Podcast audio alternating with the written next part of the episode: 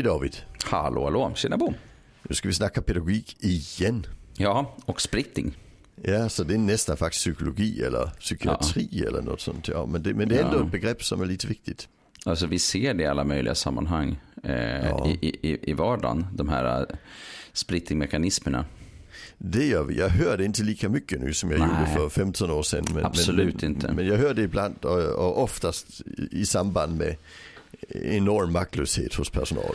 Ja, och eh, på enheter där, eh, där man på vårdenheter har jag hört det mer än till exempel i, i skola eller förskola. Ja, mm. jo alltså det, det, man kan säga det, det jag hör det ju mest när det, är, när det är mycket personal för då finns det möjlighet att göra det. Ja. ja. När det är färre personal så är det ju svårare. Just det. Men vi kanske ska beskriva vad begreppet innebär. Ja men gör det, börja där. Ja, alltså begreppet är, kommer ju från en mer psykodynamiskt tänkande øh, och, och, och beskrev väl i, i samband med det vi kallar det borderline, alltså emotionell instabil personlighetsstörning. Øh, där man beskriver att, att personer har ett beteende så de spelar ut personal mot varandra så personalgrupperna blir splittrade. Ja. Uh, och, och, redan där blir jag ju alltid misstänksam när vi, när vi diagnostiserar något som är utanför personen så blir det alltid konstigt. Ja, för du kände ju igen det där med, eh, med då att eh, man diagnostiserar personer med det. För jag har mer stött på det utifrån som en term att eh, så att säga personalgruppen blir splittad ja. i två delar eller splittrad eller splittad. Alltså att man delar upp sig. Ja, men relaterat till att det är en person som som de jobbar ja. med som är en faktor i detta. Som är en faktor som är svårbegriplig och där, där, vi, där mm. vi ser olika typer av mekanismer. Ja. Och, och, jag, kan, eh, jag kan bara ta ett exempel från, eh, jag jobbade i en sluten vårdsavdelning för ungdomar för många år sedan i början. Innan jag var, blev psykolog, precis där när jag höll på med studierna. Och eh, eh, nej men då hade vi såna här grejer som, eh, som kunde inträffa då. Eh, vi hade en ungdom som hade kanske fått någon eh, ångestpåslag. Och så var det någon, eh, några i personalen som tycker, nej men vi kan ju inte ha någon som kommer här och ska ha macka när som helst liksom. Och sen kommer någon annan och säger, ja men de hade ju ändå jättejobbigt, det var ju ångest liksom. Och det var, ja nej jag tycker att, och så, och så blir det en slags upp, uppdelning i att några tycker att man ska vara så att säga hårda och gränssättande och andra tycker att man ska vara lite mjuka och lite sådär. Alltså, så det blir lite mm. så här svartvitt på något sätt, antingen eller och den här gråskalan. Mm. Men det finns många andra berättelser den, den också i detta. Ja, den mekanismen är, är, det är den, är, den är lite på kanten av vad de här psykoanalytikerna beskrev. Men, men ja, den är ju precis. spännande. Ja, den, ja, är, den är mer vardaglig. Ja men jag tycker den är spännande för det att jag har ju i min forskning tittat just på detta med vad, vad är det för grundinställning vi har. Ja, Grundläggande föreställningar där vissa av oss tänker att han ska göra som han alltså det är lydnad som är målet och det visar bestämmer och så vidare. Medan andra säger att det är autonomi som är målet och vi, och vi ska hjälpa honom genom att stödja honom. Så auktoritära kontra stödjande. Och, och, där kan det ju lätt bli en splittrad funktion i en personalgrupp. Alltså øh, om inte det, alltså om båda två är så pass stora perspektiven så att de faktiskt kan leva sida om sida. Men och där tänker jag, det, det är ju inte, en, jag, jag, brukar säga det så när, när det gäller just föräldrar. Att det är inga föräldrar som är överens om hur man fostrar sina barn. Alltså det finns inte. Men det är inga problem när det är små svårigheter. Men i det ögonblicket det är lite stor, större svårighet så blir det faktiskt ett problem. Då kan och, det bli jättesvårt. Ja, ja och, och då brukar ibland vi fackpersoner vara lite halvkorkade och säga problemen är att föräldrarna inte är överens. Mm, Istället för att förstå att föräldrarna är aldrig överens. Mm. Men här kommer det på sin spets för här är det svårt. Alltså, och det är lite samma sak med personalgruppen där tänker jag. Att, att det är för det att det är ett svårt ärende att det blir ett problem. Det är maktlöshet i systemet och då bör vi skylla på varandra. Så det är liksom en mekanism. Sen har vi den andra splittingmekanismen, den som psykoanalytikerna beskrev som, som mer psykiatrisk orienterad. Mm. Och det är ju, det är ju att eh, personen pratar med en personal. Och sen pratar med en annan personal och sen säger olika saker till olika personal så att personalen ska, ska tycka illa om varandra. Det, det, det Som ett slags medvetet upplägg från patientens sida, tänker man sig då. det, det, är i alla fall så det tolkas ute på. Ja. I, i, jag tror att, att de, de, som beskrev det får vi väl ändå säga att de inte riktigt tänkte att det var helt, lika medvetet. Alltså det, det, är så, jag har ju in, jag har inga åsikter när det gäller KBT och psykoanalys och så som, som en del har. Men, men jag utgår ändå ifrån att folk gjorde sitt bästa, både det ena lägret och det andra lägret. Och de hade ju tag i saker som faktiskt är sanna i båda delarna tänker jag. Så jag tänker inte att de från början tänkte att det här är ett omoraliskt beteende. Men det har ju tyvärr oftast blivit tolkat på det viset. Mm. Alltså för, för det var så lätt att trilla dit om man hade en lydnadsidé liksom. Och sen sitter jag med personalgruppen och säger hon splittrar. Øh, och sen säger jag, jaha vad menar du? Ja, men hon säger så till den och så säger hon så till den andra. Och så säger jag ja, och, och det upptäcker ni. Ja, ja. Jaha, øh, varför är det då problem? Alltså jag förstår inte. Mm, mm. Och då blir de jätteförvirrade för de har liksom lärt sig att splittring är ett tecken på, på, på personlighetsstörning. Ja, just det. så de liksom tänker, där måste vi ju liksom ta tag i det. Medan jag tänker, här har vi en person som faktiskt inte fattar att det hon säger till den andra kommer den att säga till den tredje. Och därför kommer de att upptäcka detta. Just det. Och jag brukar jämföra det med att gå man på krogen eh, så är det inte säkert att du berättar hela din livshistoria och kanske inte din sanna livshistoria heller till de du träffar i baren. Alltså,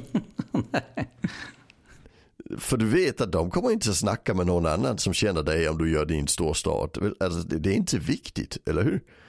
Det viktiga är hur du liksom agerar i situationen och, och, får till de här relationsupplevelserna du är ute efter. Det, det, det är det du är där för, eller hur?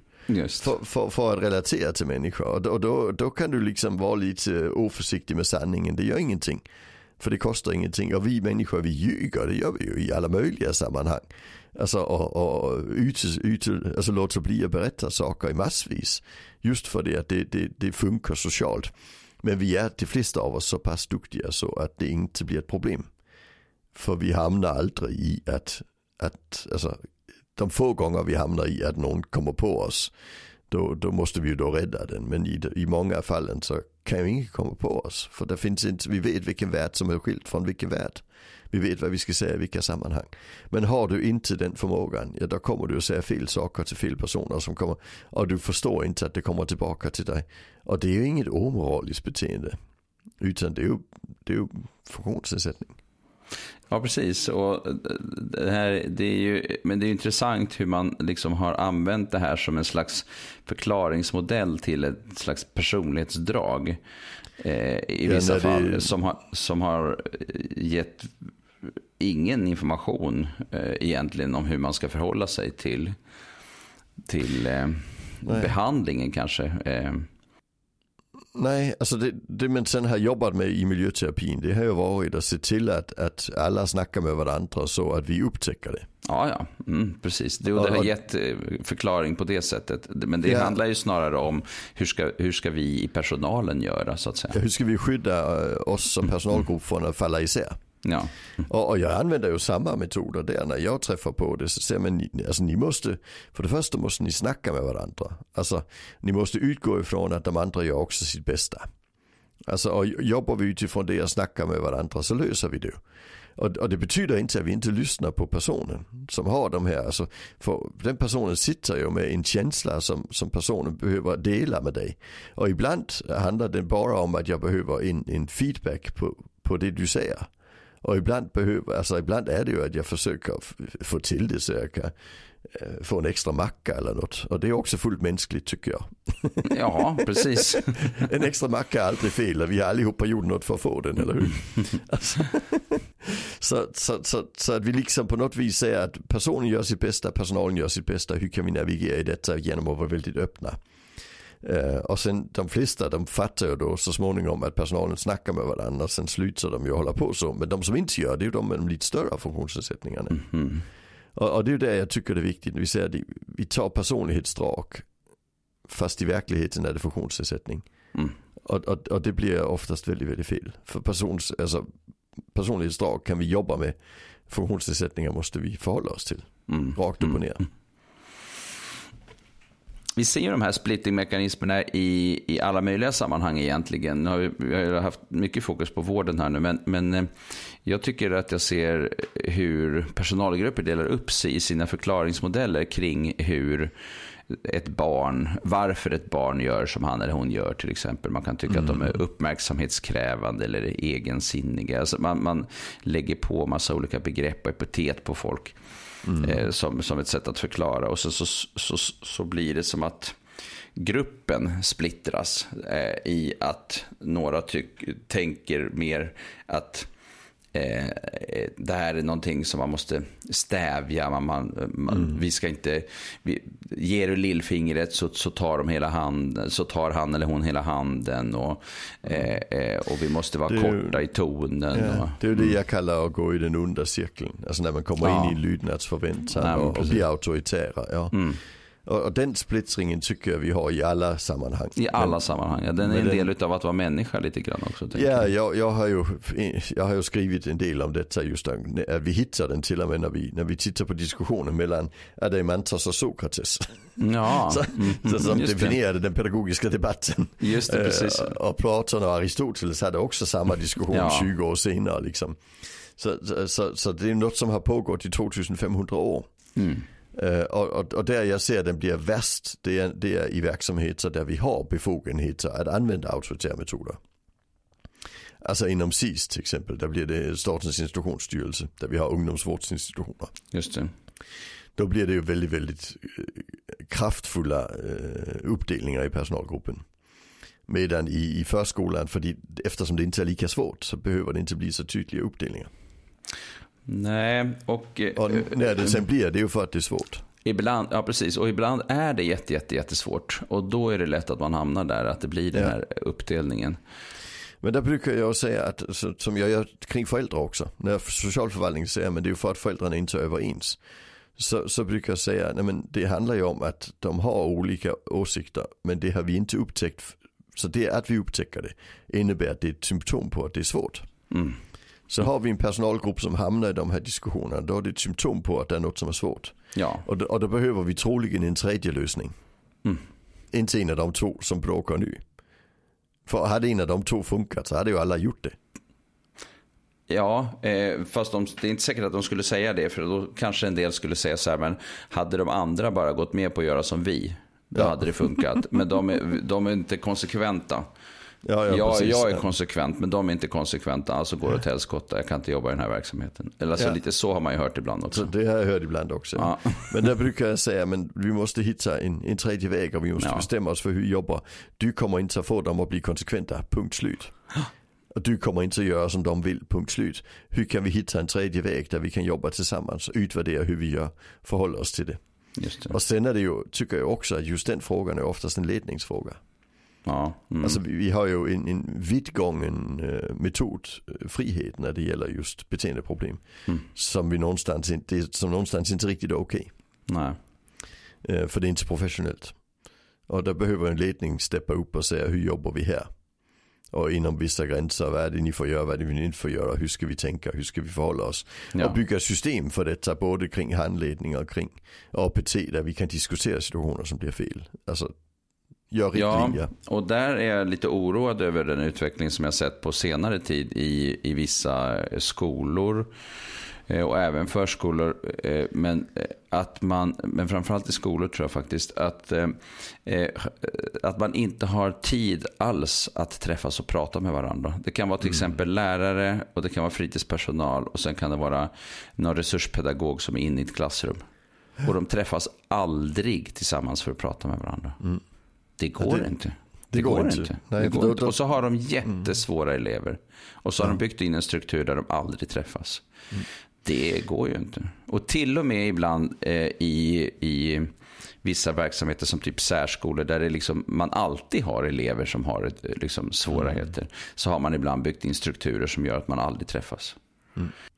Och, och det tänker jag bottnar lite i det här med att vi har börjat få en förklaringsmodell att skolan är till för att undervisa. Det andra det är fostran, det ska föräldrarna stå för. Ja, det kan vara ja. ett skäl. Det är ett skäl till att vi liksom mm. inte har, vi har underprioriterat den, den, den, den Men sen också någon slags ekonomisk tanke. Liksom. Alltså jag tänker att Eh, vi har inte råd, liksom. det kostar tid och det har vi inte ja. råd med. Men jag undrar hur mycket tid det kostar att inte prata med varandra. Mm. Och inte till exempel ha handledning och andra grejer i svåra verksamheter. Ibland kan jag fundera på. Mm. Alltså. Men det, och det handlar också om de här mätbara målen. Mm. Så vilka mål är det vi har gjort mätbara, vilka Nej, har vi inte gjort mätbara? Ja. Jonna Bornemarks Det omätbaras äh, renässans är en fantastisk bok till just det. Just det. Och hjälper oss att förstå vad det, är vi, vad det är vi faktiskt gör när vi plötsligt börjar fokusera på det mätbara. Ja. För där, där glömmer vi ju bort allt det som är icke mätbart. Mm. Och det blir problematiskt. Ja, verkligen. Mm. Verkligen. Ja. Ja, eh, vi rundar av eh, splittingfrågan. Men eh, ja. den är intressant och jag tror att det är många som kommer känna igen som de har jobbat i, i arbetsgrupper. Att eh, den här, ja. båda de två typerna. Ja, ja, men precis, precis, båda de två typerna. Mm. Ja. Jättebra. Ja, tack för idag. Tack för idag. Hej.